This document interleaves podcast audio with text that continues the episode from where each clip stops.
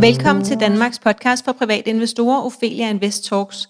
Mit navn det er Sara Ophelia Møs, og jeg driver Ophelia Invest og forlader penge med mit skønne team. Vores mission det er at skabe rum for læring, og vores vision det er, at alle danskere ved, at investeringer er på bordet, hvis vi altså vil det. Strukturen er, at vi udkommer ugentlig i 30 minutter om fredagen, og vores hovedsponsorer det er Almindelig Brand og Spotlight Stock Market. Dagens tema det er indeks og fonde, og jeg sidder over for Henrik Frydenborg Hansen, som er selvstændig økonom. Og hej til dig, Henrik. Tak skal du have. Hej. Vil du ikke starte med at fortælle en lille smule om dig selv og din baggrund, og måske også din erfaring inden for finansbranchen? Jo, jeg er i øjeblikket ved at etablere firmaet uh, Finansforum, som kommer til at beskæftige sig med en masse spændende finansinformation om produktudbud og rådgivningsmuligheder. Og det glæder jeg mig til at fortælle meget mere om snarest. Og inden da har jeg beskæftiget mig i årrække i Investeringsforeningsrådet og Finans Danmark. Ja hvor jeg har beskæftiget mig med analyser og statistikker om investeringsfonde, øh, børshandel og så ansvarlige og bæredygtige investeringer. Ja, spændende. Øhm, og øh, hvad var det ved finansbranchen, der talte til dig? Hvorfor gik du den vej? Og jeg tror, det har været spændende omkring de øh, muligheder, der er for at fordele ressourcer i samfundet, hvad det betyder for, hvordan samfundet udvikler sig, og de muligheder, det kan give de enkelte for at at gå forskellige veje her i livet, hvad det betyder muligheder, man har. Ja, okay. Så du vidste allerede fra som ung, at, øh, at det var den vej? Øh, ah, ikke helt ung, men øh, okay. jeg valgte det på universitetet, valgte jeg at læse økonomi, for det synes ja. jeg er rigtig spændende. Okay, så du har læst økonomi på KU? Nej, jeg har læst på Aarhus Universitet. Aarhus Universitet, ja. yes, okay. Så hvis man gerne vil have en karriere som din, så det, kunne det være den vej, man kunne skulle tænke? Ja. ja. Øhm, vi skal jo snakke lidt om indeks øh, og indeksfonde i dag. Øhm, kan du starte med at fortælle lidt om, hvad er et indeks og en indeksfond? Et indeks øh, viser udvikling inden for øh, en bestemt gruppe af værdipapirer, for eksempel inden for en sektor eller en land eller en region. Og det øh, kan for eksempel være det amerikanske S&P 500-indeks, og vi har også Dow Jones-indekset. Dow Jones-indekset er et prisindeks, øh, som mere viser udviklingen øh, i priserne, mens for eksempel øh, S&P 500, det er et formuevægtet indeks, som også tager højde for, hvor store selskaberne er. Så der er mange typer forskellige øh, indeks. Der er også nogle indeks, øh, som er kappet, de tager højde for de investeringsrammer, som for eksempel investeringsfonde kan benytte sig af. Det så for eksempel betyder, at øh, man kapper de største selskaber af i indekset, så de øh, vægter i forhold til, hvad investeringsfonde kan. Det er også nogle, som der er flere typer af på Nasdaq øh, OMX i København. Så er der indeks, som tager højde for udbytter. Nogle er med udbytter, og nogle er, er uden udbytter. Så det er, der kan i hvert fald sige, at der er mange forskellige indekser at vælge imellem. Ja. En, en indeksfond er så en fond, som... Jeg tror, hvis jeg lige må spørge lidt ind til det, fordi der var noget, jeg ikke helt selv forstod. Så det er, når det er formuevægtet eller værdivægtet, så S&P 500, det er 500 største amerikanske virksomheder. Ja. Og Dow Jones, hvad var det så til forskel? Der er forskellen på, at det er et prisindeks. Og der er, ja, hvad betyder det, at det er et prisindeks? Det er et prisvægtet indeks, det vil så betyde, at øh, der tager man ikke højde for, hvor store selskaberne er. Så et, et, et, et, et prisvægtet indeks, hvor for eksempel et, et, et, et, et, et selskab, det, det har for eksempel en pris på 50, så, eller en kurs på 50, og den så stiger meget, så vil den øh, vægte højere, eller til højere med i regnskabet, end en, der har en, en kurs på Så hvis man har to aktier, og den ene er steget meget, så skal den, er det, handler det om, hvor volatile aktierne er? Nej, det handler ikke om, hvor volatile det er. Det handler om, hvilke priser de har i indekset. Og det vil så sige, at det, sælger ikke så, det viser ikke så meget om, hvor meget man som investor har tjent eller har tabt for eksempel i en givet periode, fordi det tager højde for, hvor store selskaberne er i, i, i, på, på børsmarkedet. Så det er ikke så populært til at bruge som benchmark. Det, så, ah, okay. Der bruger man mere S&P 500, okay. når man vægter i forhold til, hvordan fonden er klaret sig på det amerikanske marked. Ja, okay. Jeg tror næsten, jeg forstår det. øh, og så, så var der selvfølgelig de udbyttebetalende og de akkumulerende, som var det modsatte af dem, der de akkumulerer værdien i stedet for at betale udbytte. Ja, det kan man godt sige. Ja. Altså indeks betaler ikke sådan som, som udbytter, Nej. men altså man kan sammen, normalt så tager man udbytterne med i indeksberegningerne, således at hvis et selskab betaler udbytte, så indgår det i, hvordan indeks, indekset der har udviklet sig.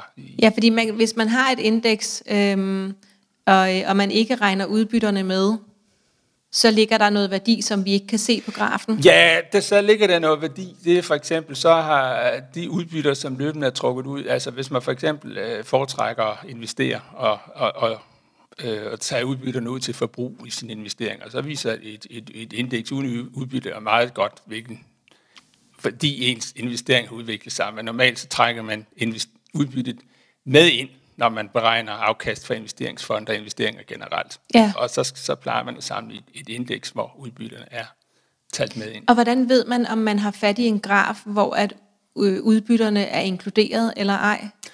Og det skal man sådan lige være, være vagt ved havelån, og så lige tjekke øh, på dokumentationen for, øh, for, for indeks i det i hvert fald. Øh, okay. Øh, hvordan, hvordan det, det er beregnet med. Altså generelt i indeks over for Nasdaq, hvor, hvor, der, hvor, hvor udbyttet er med en, der hedder det GI i navnet, så det kan man sådan lige... Okay, så GI, det skal stå i navnet, ja. så er udbytterne med? Ja, ja. Okay, så det er i hvert fald første clue. Og ellers ja, så kan vi læse det, der står med småt, har jeg lyst til at sige. Ja, det er jo ikke så, så småt, men... Så vil, vil læse generelt til ja. indeks, så er meget godt lige at læse ja. i, uh, i noterne til det indeks, man følger. Okay, altid. Så, så blev vi lidt, lidt klogere der.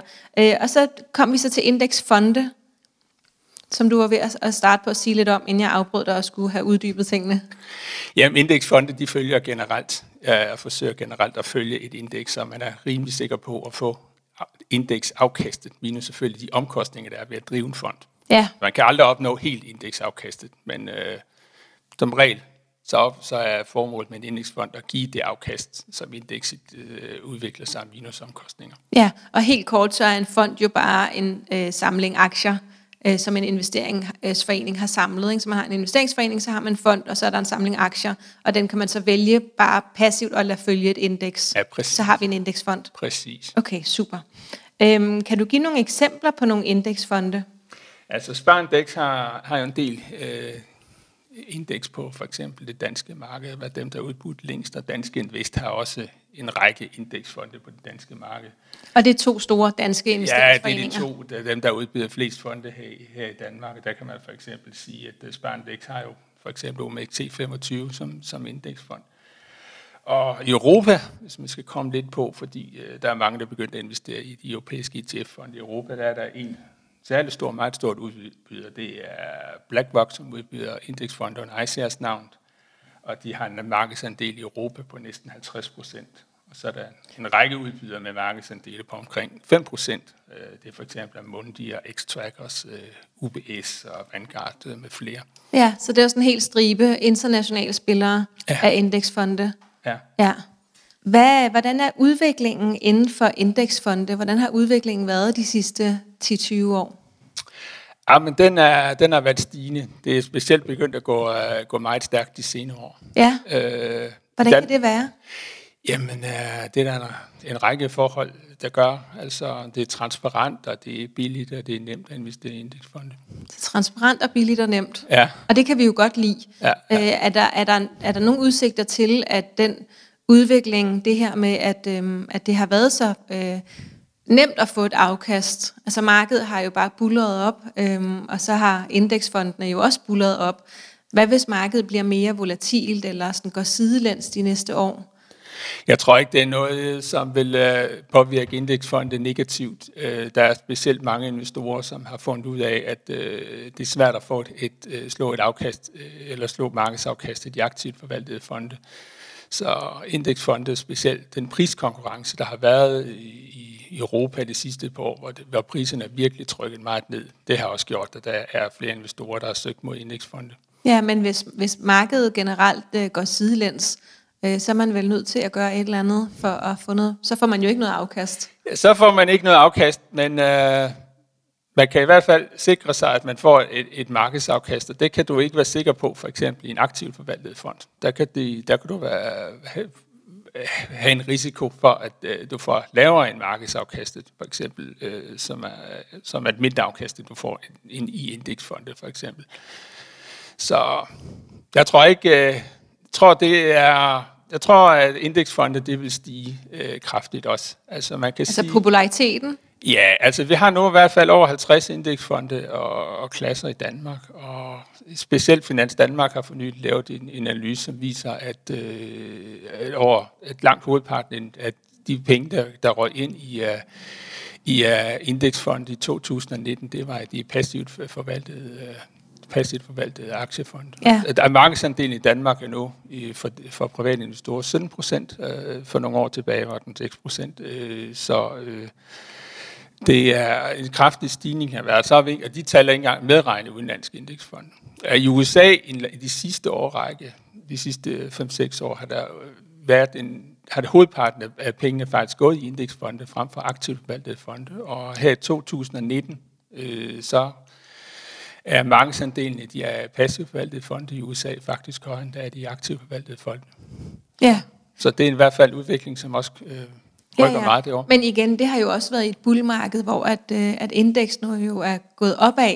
Ja. Øhm, og jeg tænker, er, er du slet ikke nysgerrig på, hvordan, hvis, hvis det går sidelæns, eller hvad hvis markedet begynder at falde? Øh, der er faktisk mange øh, aktivt, øh, aktive forvaltere, som har, som har, har hævdet, at øh, det kan være en god idé, hvis man kommer ud i aktiefald, at investere i aktivt forvaltede fonde, fordi de bedre kan beskytte investorerne mod aktiefald, eller give en mindre volatilitet, mindre volatil nedgang, hvis, hvis markedet for eksempel går meget ned. Og hvad tænker du om det? Ja, men altså man kan kigge på tallene. Altså, øh, de sidste tal, der har været, jeg har set i aviserne, de analyser, der har lavet i USA, bekræfter ikke, at det har været en fordel at være i et aktivt forvaltet fonde under nedturen derovre. Og det viser de sidste tal, hvis man kigger også i Finans Danmarks statistikker på, hvordan det aktivt forvaltet og passivt forvaltede øh, fonde har klaret sig her øh, i første kvartal 2020. Så der er ikke noget, der tyder på, at det har været en specielt god fordel at være i de aktivt forvaltede. Okay. Faktisk øh, så har de øh, passivt forvaltet i hvert fald give lidt højere afkast. Og, og hvilke øh, fordele og ulemper knytter sig så til investering i indeksfonde? Indeksfonde, de er, de er meget transparente. Altså, du ved præcis, hvad du får. Du, får, du ved præcis, hvad der er i den portefølje, du køber. Altså, så gør for, og det betyder også, at de er lidt nemmere at bygge som byggeklodser, hvis du skal, for eksempel skal lave en portefølje eller noget. De er meget, meget billige, og der afkastet altid går fra eller omkostningen altid går for afkastet, så er det altid en god idé, hvis er lavet muligt omkostninger. Det er det, som mange investorer de går efter lige i øjeblikket. Mm.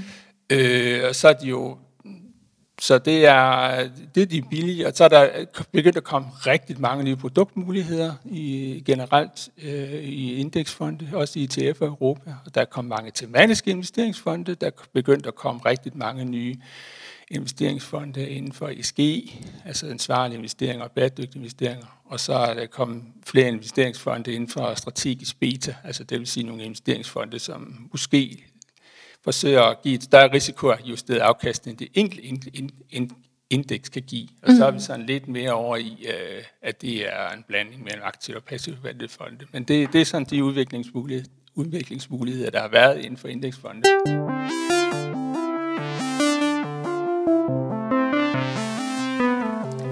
Ophelia Invest Talks er sponsoreret af Spotlight Stock Market. Spotlight Stock Market er markedspladsen, hvor investorer og vækstselskaber mødes.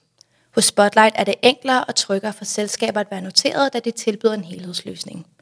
Det øger synligheden for selskaberne gennem unikke mediesamarbejder. Investorer får gennem Spotlight mulighed for at blive medejer i mere end 170 vækstselskaber i forskellige brancher fra flere lande. Deriblandt selskaber som Free Trailer, Barnhof og Synthetic MR. Og det var så en, øh, en hel masse øh, fordele. Og øhm, hvis vi skulle prøve at kigge bare et øjeblik på, øh, på de ulemper, der kunne være, hvad, hvis du skulle vælge, øh, nævne et par ulemper, hvad ville det så være? Jamen altså, ulemper, der er jo mange investorer, de kan godt lide at følge selskaber selv og, og kigge på, hvad et godt selskab har måske en forkærlighed for en aktie, som de tror meget på.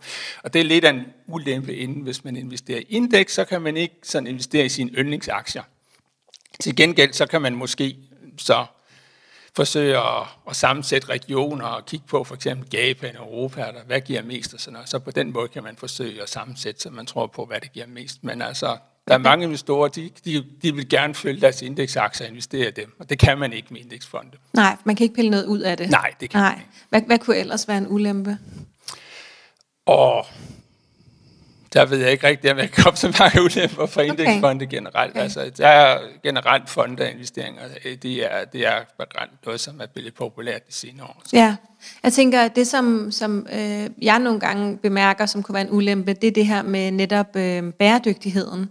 At nu siger du godt nok, at der er kommet flere bæredygtige, øh, passivt forvaltede fonde, men de trækker typisk bare øh, fem øh, områder ud, alkohol, tobak, våben osv., øh, hvor at, at der stadigvæk vil være olie og gas for eksempel, øh, og så er der jo mange, der mener, at det ikke er bæredygtigt nok, så det kan måske være svært at være sådan oprigtigt bæredygtig hele vejen igennem, hvis man, hvis man skal investere i passivfonde, eller hvad? Ja, men der sker også en trolig stor udvikling inden for bæredygtige investeringer generelt, ja. og det sker der også inden for, uh, inden for ETF-fonde og indeksfonde nu, der er begyndt at komme flere og flere bæredygtige indeks, som udvælger de mest bæredygtige selskaber, og der er også flere okay. indeksfonde, som er begyndt at investere i dem. Så man kan sagtens finde en, en bæredygtig fond, som vælger positivt til inden for vandenergi og miljø. Og kan du nævne nogen?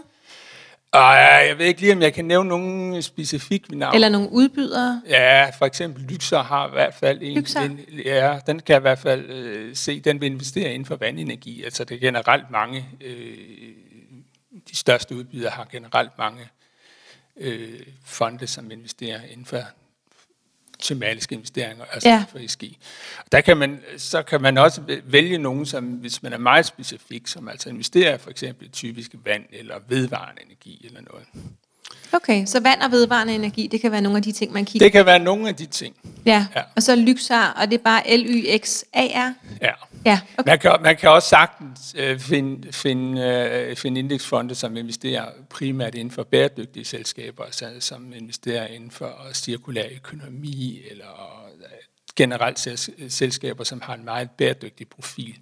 Og kan du komme med nogle navne eller noget, vi kan lede efter der? Jeg kan ikke lige komme specifikt Nej. på et, lige et specifikt navn endnu. Nej. Men, uh, Vil det også være Lyxer, som er god? Nej, der, der er flere forskellige udbydere. Men jeg ved, at flere forskellige de der uh, platforme, man kan investere i Danmark, for eksempel uh, Nordnet og andre, de har for ja. eksempel lister, hvor man kigger på, altså bare for nogle af selskaber, der, der er det, ja, og man skulle tro, at det var rimelig intuitivt. Det er det ikke nødvendigvis. Nu driver jeg jo to grupper på Facebook, både Aktieklubben Danmark og Kvindelogen, og det kommer jævnligt op spørgsmål derinde, hvordan man søger efter bæredygtige fonde. Så det er faktisk ikke helt så nemt, som man skulle tro, og det kan vi jo så lade være et opråb til netop de to platforme. Ja, ja og det skal også lige retfærdigvis siges, at der er, der er en ret stor udvikling inden for bæredygtighed ja. lige i øjeblikket, så det kan godt være svært at følge med udviklingen, fordi inden for de sidste, bare inden for de sidste halvandet to år, er der kommet mange nye definitioner på, hvad der er bæredygtigt. Altså frem for at du nævnte tidligere, at nu der gamle dage, der slog man måske bare en bæredygtig, og så undlod man at investere i, i alkohol og våben og den slags ting. Og der er kommet en meget stor udvikling inden for, okay. for fonde, som også investerer i bæredygtige selskaber og miljøenergi. Så det skal, det skal lige siges, retfærdigvis siges, at, det, at der sker stor udvikling. Så ja. det kan være svært sådan lige at også opstille en platform, hvor man følger med i ja. den udvikling, der er. Vi vil jo også bare gerne have et par navne på nogle fornuftige fonde, typisk. Øh, ja, ja. Men det lyder som om, vi måske bare skal øh, være en lille smule tålmodige, og så vil det hele komme til os i løbet af de næste år? Ja, jeg ved i hvert fald Sparndex. Hvis man vil gå efter en dansk fond, så har i hvert fald en Sparndex, som følger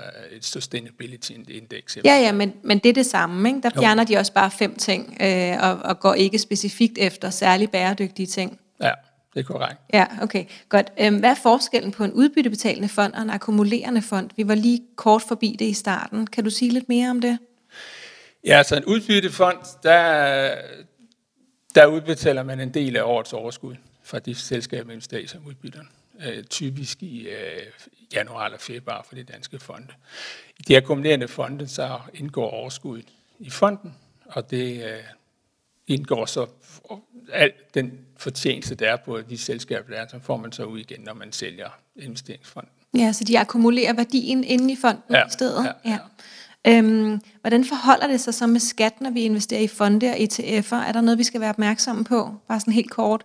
Ja, altså generelt, øh, hvis man øh, hvis man, der, man skal være opmærksom på, om man investerer for frie midler generelt eller pension. Det er den opdeling, man lige skal være opmærksom på med skat først. Og hvis man gerne vil investere øh, i for frie midler, gerne vil have realisationsbeskatning, og man vil investere i aktier, så, så skal man som regel vælge en, en udbyttebetalende øh, dansk fond.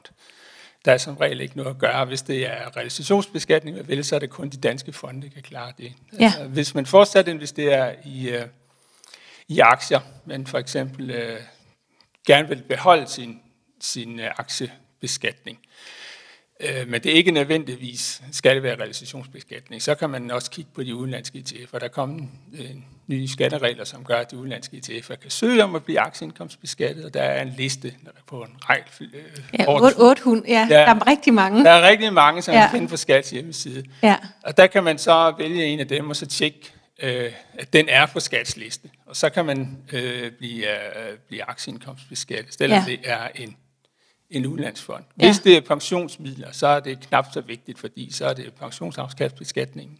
Og så er det knap så Og den er vigtigt. flad på 15,3 Ja, den er flad, uanset om det er en realisationsbeskattet eller lavbeskattet afdeling. Ja. Den, den opdeling bruger vi kun, når det er for frie midler, så Ja. ja. det er ikke så afgørende. Okay, så for pensionsmidler, så er det altså nemt, fordi så skal ja. Ja. man ikke tænke så meget over det. Man skal ikke tænke så meget over det. Man skal dog lige være klar over, at det kan være lidt bøvl, hvis man for eksempel har en, en pensionsdepot, og man får udbytter ind. Fordi de skal rent faktisk, så kommer de ind på depotet, så, skal de, så, så står man, der skal have, skal, øh, have re- reinvesteret dem igen. Og det er Ja. der nogen, der synes, det kan være lidt bøvligt. Ja.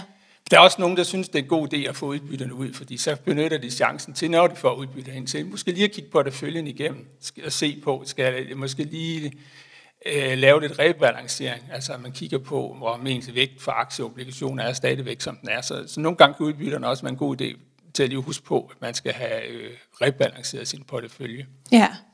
Ja, så hvis man gerne vil have det meget nemt, og man investerer for pensionsmidler, så skal man vælge de akkumulerende fonde, fordi så skal man faktisk ikke forholde sig til det. Ja, det, Ja. ja. er lige præcis. Og hvis man handler for frie midler, så kan man gå efter de udbyttebetalende Ja, som udgangspunkt. som udgangspunkt. Ja. Og hvis vi så kigger på aktiesparekontoen, den er jo også med en flad beskatning på 17 procent. Ja. Der er så et cap på, at vi kun kan investere omkring 50.000 kroner. Det skulle gerne blive hævet snart. Skulle gerne blive hævet snart, Ja, ja. men vi venter tålmodigt stadig øhm, her et halvt år inden. Øh, og øh, der, der gør det jo så heller ikke så, så meget, øh, ja det betyder heller ikke noget der, om, om vi så har udbyttebetalende eller akkumulerende. Er det Det rigtigt? betyder uh, stadigvæk ikke noget, nej. Men uh, man skal så fortsat være opmærksom på, at, uh, at man skal reinvestere sit udbytter. Ja, Så, ja, det skal vi huske. ja.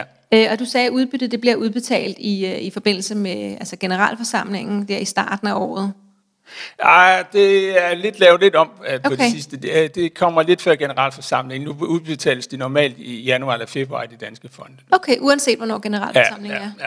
Okay, Det er således, og de udenlandske ETF-fonde, der kan udbytterne komme både månedligt og kvartalsvis og årligt, så det skal man lige uh, tjekke uh, i faktainformation, når man vælger at investere ind i ETF-fonde.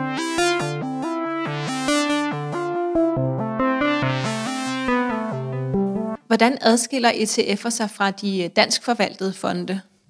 Der er faktisk flere mar- markante forskelle. Ja. Altså, hvis- vi lige tager, tager lighederne først. Altså generelt så, så er de fleste ETF-fonde UCITS-fonde, det vil sige, de følger de samme europæiske re- regelsæt for investeringsrammer og, og risikostyring og, og medlemsrettigheder. Så det er det, det betyder, når der står det der, som jeg ikke helt kan sige, men som du sagde, use. UCITS, det er det fælles Yes. europæiske direktiv for investeringsrammer, Godt. Øh, regelsættet for investeringsrammer. Ja, Så det er det samme generelt, hvis man vælger en UCITS-fond. Og forskellen er således, at øh, de danske fonde, de er som regel dobbeltprismetode, det vil sige, at man skal betale for at komme ind øh, eller ud af fonden. Der er sådan en lille tillæg, når man, som man skal betale for, at øh, de, de øh, nuværende investorer ikke skal betale for de omkostninger, der er. og det, hvad det hedder emissionstillæg. det hedder emissionstillæg og indløsningsfradrag. Indløsningsfradrag. Det er der normalt ikke i, uh, de, i ETF-fondene. Der er det som regel det, vi kalder enkeltprismetoden, og det vil sige, at uh, der, er der, ikke, uh, der betaler man ikke det tillæg, som okay. Indgår i børsen. hvordan kan det være? Og det er, tror jeg, det er tradition. Man kan også vælge at få for enkeltprismetoden i Danmark, men uh, generelt, hvis man skal have dobbeltprismetoden, og det skal være børsnoteret i Danmark, så er det krav om, at det er dobbeltprismetoden. Så det, er, Okay. også- det er også et regelsæt for, for, for OMX i København. Ja, okay. Så, så vi slipper for et, et gebyr, øh, eller to gebyrer, øh, ja. en ETF. Ja, det, omkostninger skal betales på den ene måde, den anden, så spørgsmålet er, hvem der Okay. okay. betaler for dem, hvornår. Okay.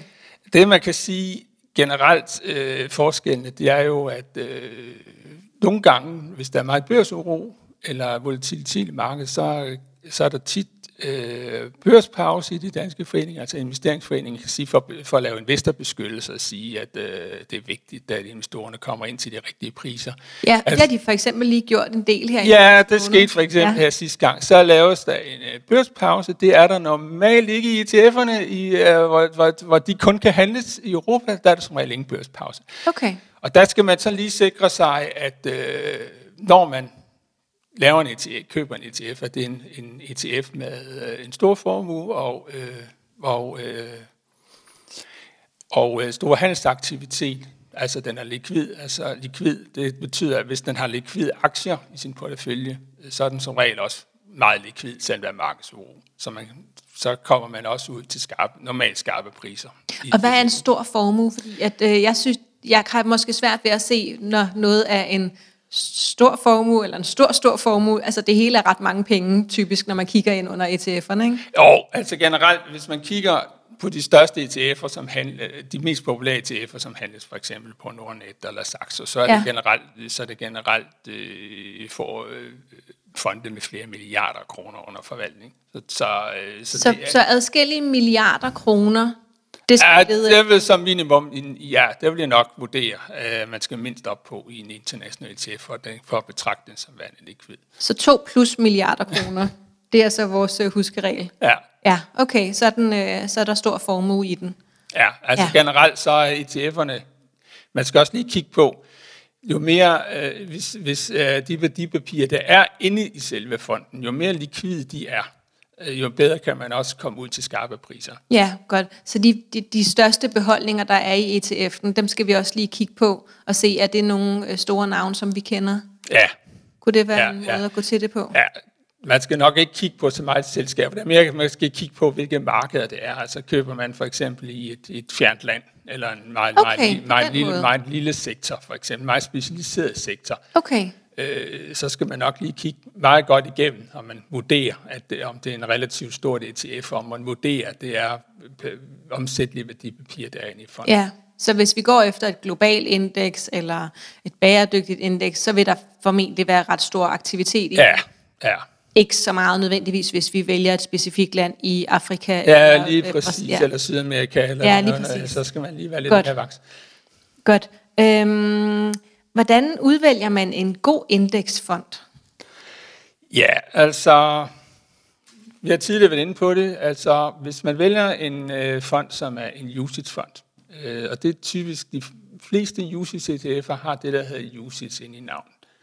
Så kigger man efter sådan en, så vil det, øh, så vil det være et første tegn på, at det er en god fond. Så, så skal det være et øh, indeks, som man forstår, altså et indeks, som, som også er relevant for den samlede risiko, på følge, risiko øh, i ens portefølje, at det indgår. Øh, så skal den være billig, Og hvad er billigt, når vi snakker øh, indeksfonde? Altså, der vil øh, de fleste populære indeksfonde, som bliver solgt i Danmark, de, øh, de har priser på omkring 0,2 op til 0,5. Der, Så- dernede omkring, Ja. der, der er det billigt.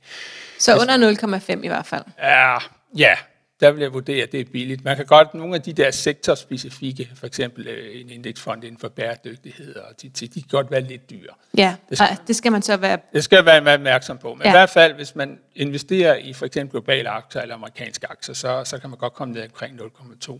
Ja. De danske indeksfonde, de er generelt øh, lille smule dyre. Altså der ligger de mest populære indeksfonde, som folk normalt køber omkring 0,3 og med op til 0,7.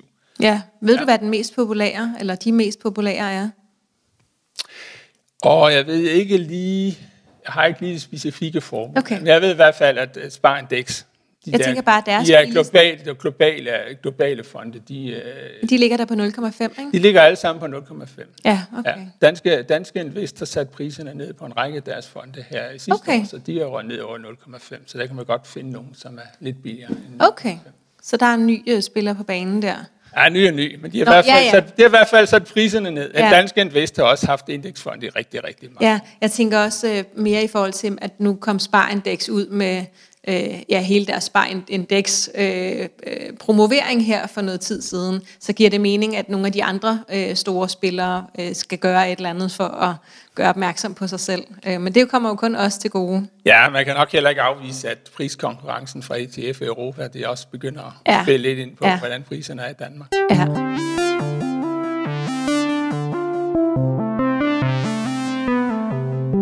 Bæredygtig investering er vigtig for os. Almindelig Brands Fond Mix Offensiv Etik har for nylig fået 5 stjerner i Morningstars afkastsammenligning. Dette beviser, at bæredygtige investeringer sagtens skal gå hånd i hånd med god afkast. Hvilke omkostninger er forbundet med investering i indeks? Nu var vi inde på emissionstillægget og øh, øh, var det udtrædelse? Hvad var det? Indløsningsfradrag. Indløsningsfradrag. Yes. Hvad, hvad udgør ellers OP'en? Europæen, den udvik- udvikler sig, udgør også det, der hedder indirekte omkostninger. Det vil Ja. sige de der spreads, som man har inde i fonden, når man køber og sælger en fond. Ja. Den er ikke ret stor i forhold til øh, de samlede omkostninger, så jeg vil vurdere, at man skal primært holde øje med de, med de løbende omkostninger. Ja.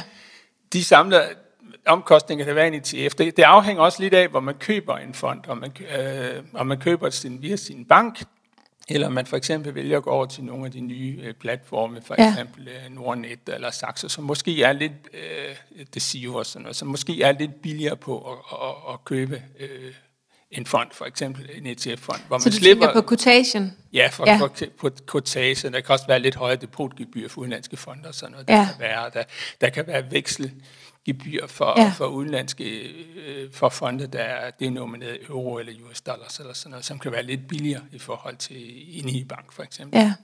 Så nu har vi ikke lige været omkring det, men vi skal måske lige nævne, at øh, så må du øh, korrekte mig, hvis jeg tager fejl her, men da MIFID 2-bankpakken blev vedtaget, så røg alle de amerikansk udbudte ETF'er af markedet for europæerne. Så nu skal vi lede efter nogen, der også bliver udbudt i euro. Er det rigtigt forstået? Det er, det er rigtigt, men jeg tror, du kan ikke sådan, for fonde, du, er, du ikke er berettiget til at købe, kan du ikke sådan bare lige smække dem ind i din fond. Øh, Nej, nej, vi kan bare stadigvæk finde dem på Nordnet, og så kan det være lidt forvirrende, at vi ikke kan få lov til at købe dem. Men det er jo fordi alle os, der har de amerikanske ETF'er fra inden den bankpakke blev vedtaget, vi skal stadigvæk have lov til at sælge den. Ja, det er Ja. ja. rigtigt, det er rigtigt. Ja, jeg synes bare, tit når man leder efter en ETF, så er det de amerikanske, der kommer op først, fordi der jo bliver skrevet rigtig meget om dem af amerikanere, øh, og så skal man så ud og finde den europæiske tvilling.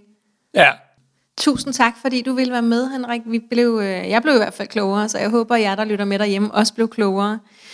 Du kan følge Ophelia Invest på Facebook, Instagram og YouTube. Feedback er altid velkommen, og har du ris, ros eller forslag, så send endelig en mail til kommunikationsnabel.opheliainvest.dk.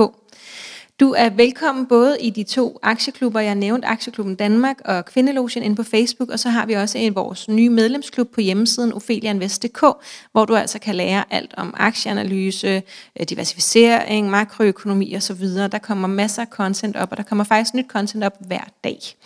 Og så er der bare tilbage at sige tusind tak, fordi du lyttede med.